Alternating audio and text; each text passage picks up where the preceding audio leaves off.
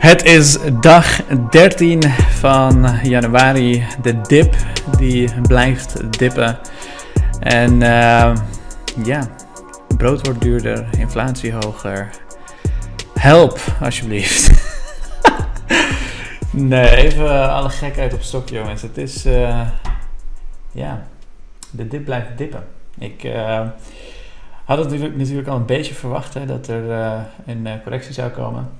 Ik heb gelukkig redelijk nog steeds wat cash die ik over de loop van tijd heen kan blijven uh, storten uh, als het nodig is.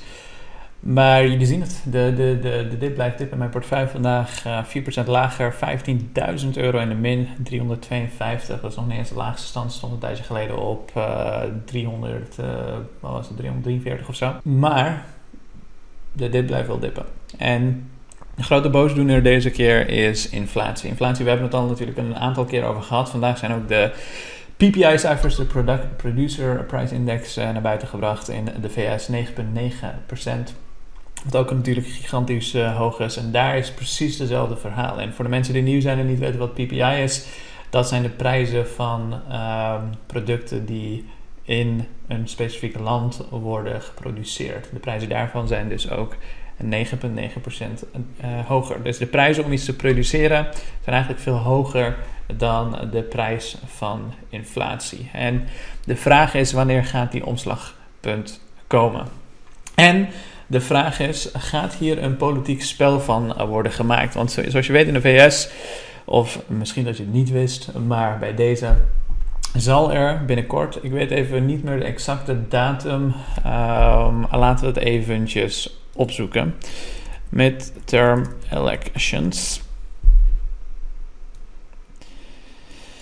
Uh, date. Dinsdag 6 november. Dus dinsdag 6 november, einde van dit jaar. Um, dat is niet eens zo lang uh, later, want uh, eerlijk zijn. Trump was tijdens COVID aan de macht gekomen.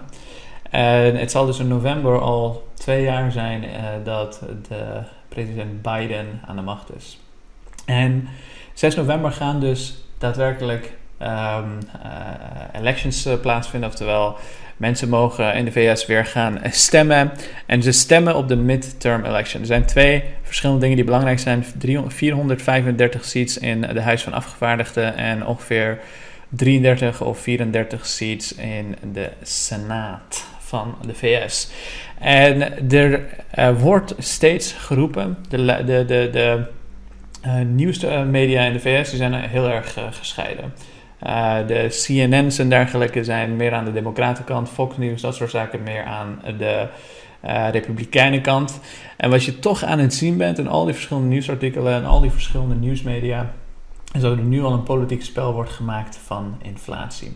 En Biden heeft het geluk mee dat het pas in november is, want de verwachting is namelijk dat het uh, in mei al zal beginnen um, ja, wat, wat normaler eruit uh, komen te zien. Maar als iets politiek wordt gemaakt, dan kun je er ook van uitgaan dat het echt een heel vies spelletje wordt. Dus laten we zien wat er daadwerkelijk gaat gebeuren. Maar dit is wat je aan het zien bent. Als je gaat naar Fox News bijvoorbeeld van de Republikeinen. Welcome to Biden's inflation tax on America. Consumer prices have broken 7% inflation barrier for the first time since the last days of Jimmy Carter. It's official, consumer prices have broken 7%. Dat is eigenlijk hetzelfde als wat daar, daar boven staat. Call it déjà vu all over again, but for those of us who are old enough to remember the malaise of and hardships of 1970s when we used to see bumper stickers that read, My take home pay won't take me home. Gas prices last year were up 50% in 2021.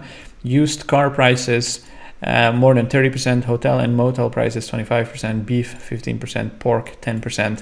En ga zo maar door. Alle verschillende prijzen die omhoog gaan, die worden in dit artikel verder uh, belegd. Maar er wordt echt een heel politiek spel gespeeld waarbij ze Biden blamen voor wat er met inflatie aan de hand is. Dus het kan zijn dat inflatie ook daadwerkelijk een heel belangrijk thema gaat worden straks, wanneer die midterm elections gaan komen. En zoals je weet dit soort retoriek die kan er dus voor zorgen dat de beurs een langdurige uh, dip, langdurige uh, uh, daling kent. Dus ik denk dat ik wel langzamer Ehm, wat minder, minder snel uh, bepaalde aandelen gaan kopen. Ik weet natuurlijk ook niet wat de beurs gaat doen. Voor hetzelfde geld is het morgen weer vertienvoudigd, bij wijze van spreken.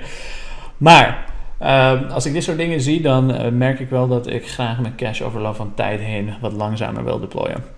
Maar het is wel interessant. Ook CNN, als je naar CNN gaat, accept all. Even kijken. It's getting worse every time. Inflation concerns could spell trouble for Democrats. Dus hier zeggen ze dat inflatie problemen kan betekenen voor de Democraten. En hier geven ze ook een aantal voorbeelden. Outside of Costco, Laura Gondis. Heel. ja, ze, ze, nemen namelijk een Mexicaan, een Mexicaanse naam. En uh, dat is natuurlijk uh, typisch democraten. Maar goed, Laura Godinez lifts meat, toothpaste, coffee, bottled water and bulk supplies of Daily Quill from her cart. Just the staples in a pandemic era weekly shopping trip that is now often missing extras that might bust the family budget, like cookies and snacks. Besides her truck, which used to cost $100 to fill but now takes 145 to top off. The 30 year old construction worker feels exasperated as she assesses a $300 grocery bill that shoots up to 400 when she adds vegetables. Dit zijn de verhalen die je continu aan het horen bent in de VS. In de VS is inflatie op dit moment echt een van de belangrijkste thema's. Ook in Nederland natuurlijk, maar in, ehm, in, in, in Nederland zeiken we heel graag over heel veel verschillende dingen, maar als het op hele belangrijke zaken aankomt, zoals het duurder worden van je, van je spullen, dan eh, lijkt het ehm, op zich wel mee te vallen. We hebben het vooral hier over COVID, we hebben het vooral over de lockdowns. En we hebben het eigenlijk veel te weinig over die torenhoge inflatie, die we natuurlijk ook gewoon in Nederland aan het meemaken zijn. Maar dit zijn, dit zijn wel typische geluiden waar je steeds vaker en continu aan het zien bent. En ik denk niet dat dit soort zaken verdwijnen. Maar dit soort zaken zorgen er wel voor dat er angst heerst in de markt. En dat is dus wat je ook terug aan het zien bent in de koersen.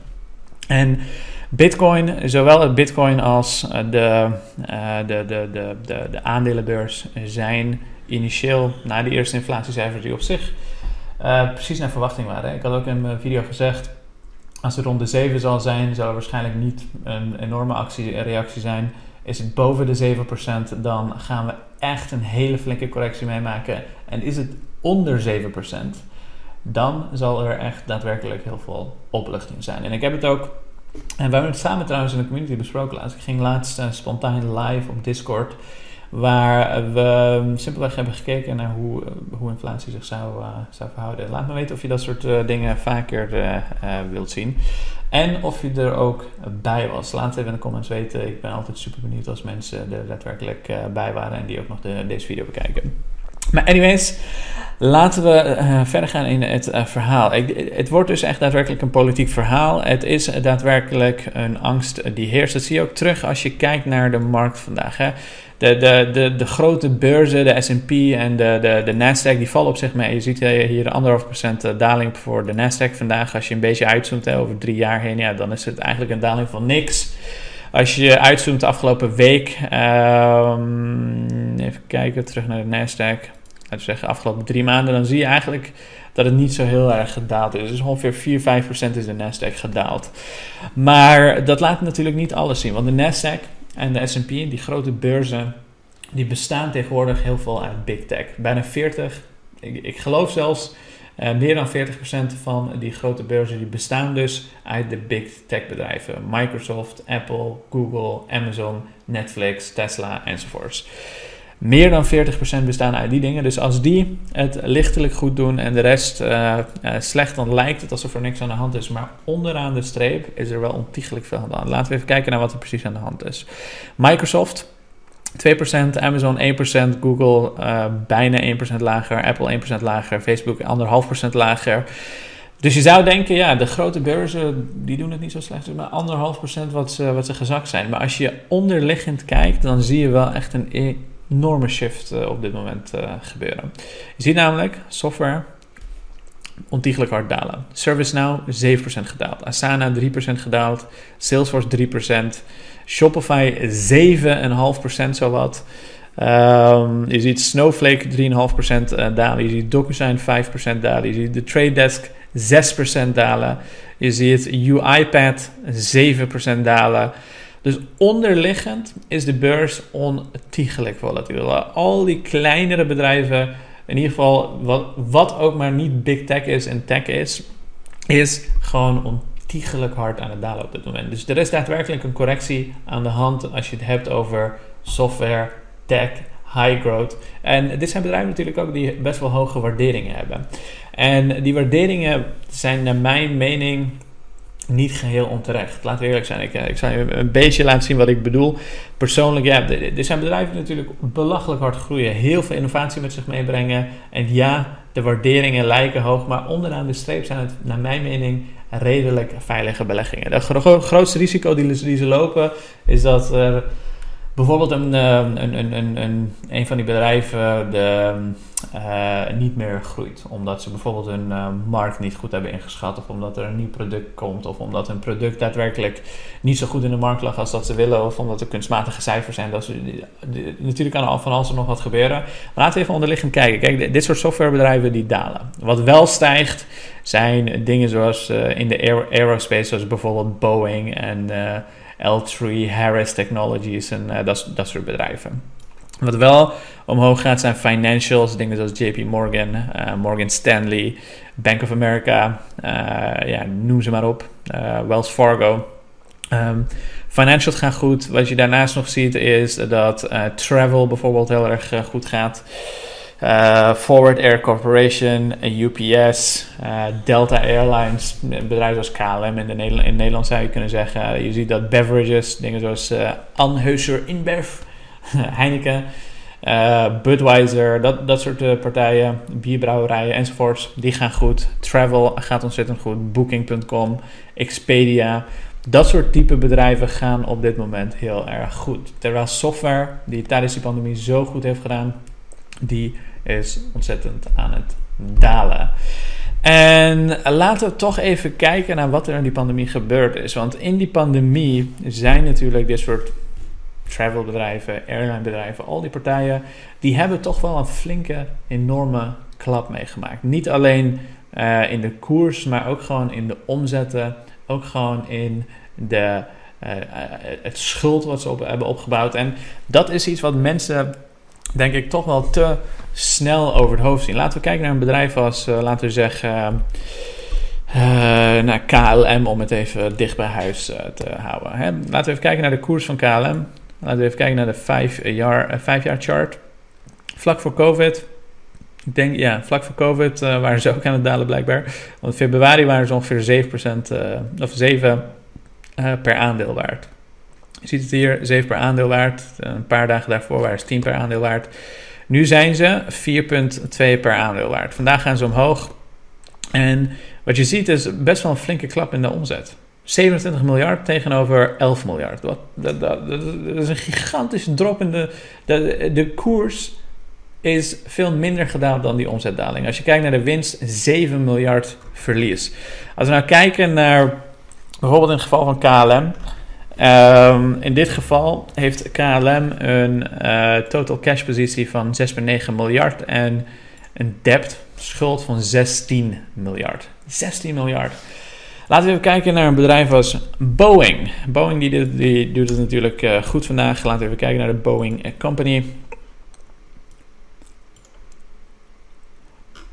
Boeing, die, is, ja, die deden daarvoor al niet echt uh, denderend. Maar tijdens de pandemie zijn ze gewoon van 76 miljard naar 58 miljard gegaan en 11 miljard verlies. Hetzelfde geldt voor hun als je kijkt naar de schulden tegenover hun cashpositie. 62 miljard schuld, 20 miljard cashpositie. Laten we even kijken naar, noem eens wat, uh, Delta Airlines.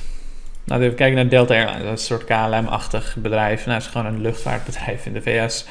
Uh, die best groot is. Hij zit ook in de Sky uh, Blue, Blue van Flying Blue team van, uh, de, van KLM voor de, voor de kenners.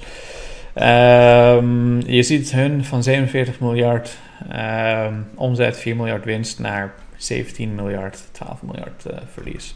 Hetzelfde geldt voor hun gigantische schulden opgebouwd. Het is echt ontiegelijk te noemen. Uh, eh, 35 miljard tegenover 13 miljard. En als je kijkt naar de koers daarvan, laten we even kijken naar de afgelopen vijf jaar. 42 tegenover 57. ja, het is maar kleine 10, 20 procent uh, gezakt. Terwijl de omzet en de koers de helft is gezakt. En er zijn natuurlijk mensen die zeggen: ja, maar uh, er is een opgekropte vraag. Wanneer dit, wanneer de, de, de, de, economie weer open gaat, dan zou het kunnen zijn dat er heel veel vraag is dat mensen weer op vakantie gaan, dat mensen weer vluchten gaan boeken. Maar dan moet dat bedrijf wel eerst al het geld gaan investeren om schulden af te betalen. Schulden af te betalen en zorgen dat ze uh, financieel gezonder worden. En als ik dan kijk tegenover een bedrijf als Shopify, die, hè, uh, als we even puur en simpel naar de koers kijken, heeft het fantastisch gedaan sinds COVID van 465 naar uh, ja, bijna anderhalf duizend. Nu 50% gezakt ongeveer sinds de allerhoogste punt. Maar als je kijkt naar dit bedrijf, hè, een bedrijf met 7 miljard cash, 1 miljard schuld, dat, het is een van de meest financieel veilige bedrijven ter wereld, zou je kunnen zeggen op dit moment. Um, de cashflows die blijven alsmaar groeien, de omzet blijft groeien. Uh, ik heb toch liever mijn geld in zo'n bedrijf, persoonlijk dan. Dat is geen financieel advies natuurlijk, je moet zelf weten wat je doet. Maar ik heb toch liever mijn, mijn geld in zo'n bedrijf die tijdens de COVID-pandemie eigenlijk een omzet en een winst, voor het eerst winst zijn gaan maken overigens. Een omzet en winst hebben zien groeien, een klantenbestand hebben zien groeien, hun cashpositie hebben zien groeien. Eigenlijk geen schulden hebben dan in al die andere bedrijven waar op dit moment heel veel rotatie plaatsvindt. Dus zo kijk ik er persoonlijk naar. Ik denk dat bedrijven waar ik zit, zijn financieel gezond, die hebben weinig schuld, die hebben eigenlijk geprofiteerd van die pandemie. En die zullen de komende jaren dus ook blijven groeien, inflatie of niet, dat politieke verhaal of niet. En de vraag is, gaan ze de komende weken, want kwartaalcijfers zijn net begonnen, gaan ze komende weken ook daadwerkelijk die groei blijven laten zien. En laten ze zien dat ze onder al die druk nog steeds kunnen blijven presteren. Dat ze goede cijfers laten zien en dat ze dus ook daadwerkelijk de verwachtingen blijven waarmaken. De komende twee, drie weken, uh, nee, de komende twee maanden eigenlijk, zijn er kwartaalcijfers. Dus zoals je weet, vorig, uh, vorig kwartaal hebben we dat ook gedaan. Zal ik de meeste kwartaalcijfers die de meest relevante zijn behandelen met banken die morgen beginnen met het rapporteren van de kwartaalcijfers. En daarmee wil ik je danken voor het bekijken van deze video vandaag. En mocht je trouwens overwegen om uh, lid te worden, uh, er zijn heel veel mooie voordelen voor mensen die lid willen worden. Uh, zo kan je bijvoorbeeld leren hoe ik zelf persoonlijk beleg, hoe ik naar de financiën van een bedrijf kijk, hoe je, je kan mijn gehele portefeuille zien, alle transacties die ik uh, doe niet, dat, niet dat, zodat je het blindelings kan volgen, maar gewoon iemand in actie ziet die zelf zijn eigen vermogen aan het beleggen is. En uh, ik heb ook nog een mooie kortingsactie van je. Als je lid, hoofdletters, LID 99 gebruikt, dan krijg je ook een hele fantastische korting. En daarmee wil ik je bedanken voor het kijken vandaag en nog een hele fijne avond.